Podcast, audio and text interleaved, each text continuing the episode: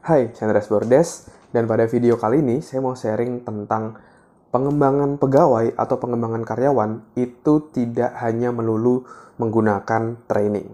Dan ini merupakan kesalahan saya dulu. Jadi, karena background saya di bidang training, jadi saya mulai di bidang training itu tahun 2012, sering memberikan training. Sampai akhirnya ketika di tahun 2014 saya mendapatkan telepon dari salah satu klien saya untuk meningkatkan performa pegawainya gitu ya, dari kompetensinya, eh, performanya. Dan karena saya di bidang training, jadi mendadak semua permasalahan itu saya anggap bahwa semuanya bisa diselesaikan dengan training. Akhirnya saya kasih training, tapi ternyata hasilnya kurang optimal. Setelah dua minggu diberikan training, akhirnya menurun. Akhirnya justru menjadi buang-buang budget gitu ya.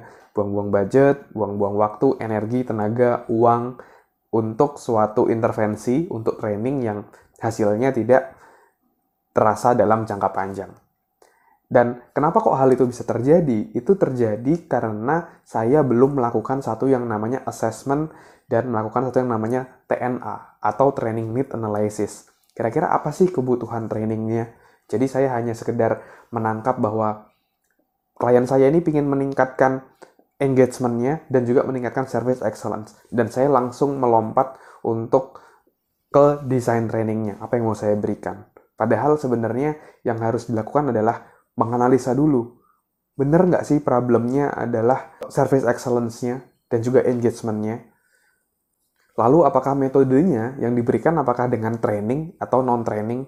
Nah, sering kali itu harus diperjelas, itu harus dianalisa dengan lebih dalam sehingga kita bisa memutuskan intervensi apa yang sesuai, apakah training atau non-training. Dan ternyata ketika saya uh, mencoba menggali lebih dalam setelah training tersebut selesai, ternyata yang dibutuhkan adalah sistem perusahaan yang jauh lebih baik. Jadi menetapkan dari KPI, dari uh, compensation and benefit-nya seperti apa, dari kejelasan tugas, dari cascading, penurunan dari goal perusahaan menuju goal individu. Nah, itu ternyata itu yang dibutuhkan. Kejelasan sistem itu yang dibutuhkan. Sehingga pegawai tadi bisa jauh lebih engage, lebih terlibat, dan juga meningkatkan service excellence-nya tadi. Dan setelah sistem tadi tepat, tentunya pasti kita harus terus mengembangkan karyawan. Dan ternyata pengembangan itu juga tidak tidak harus selalu menggunakan training. Kadang-kadang ternyata ada tuh uh, yang dibutuhkan itu bukan training, tapi cukup dengan counseling. Tapi cukup dengan job rotation.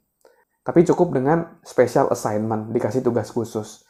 Atau job enlargement, job enrichment, dan lain-lainnya.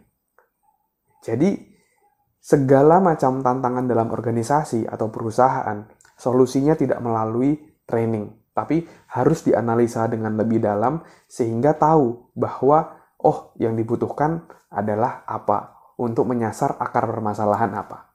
Oke. Semoga video ini bisa bermanfaat dan menginspirasi teman-teman di sini sebagai business owner atau di bidang HR di mana ketika Anda mau melakukan pengembangan karyawan atau pengembangan pegawai itu harus melakukan training need analysis dengan mendalam sehingga tahu akar permasalahannya dan bisa membuat keputusan apakah membutuhkan training atau non-training.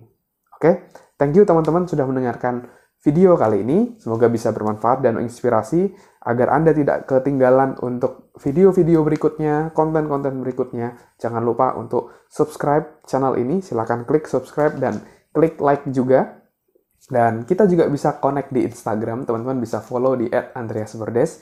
Saya juga sering posting di sana dan juga kita bisa connect di sana. Atau kalau teman-teman ada pertanyaan silahkan tulis juga di kolom chat terkait HR atau pengembangan diri, silahkan tulis. Saya akan bahas di video-video selanjutnya. Thank you.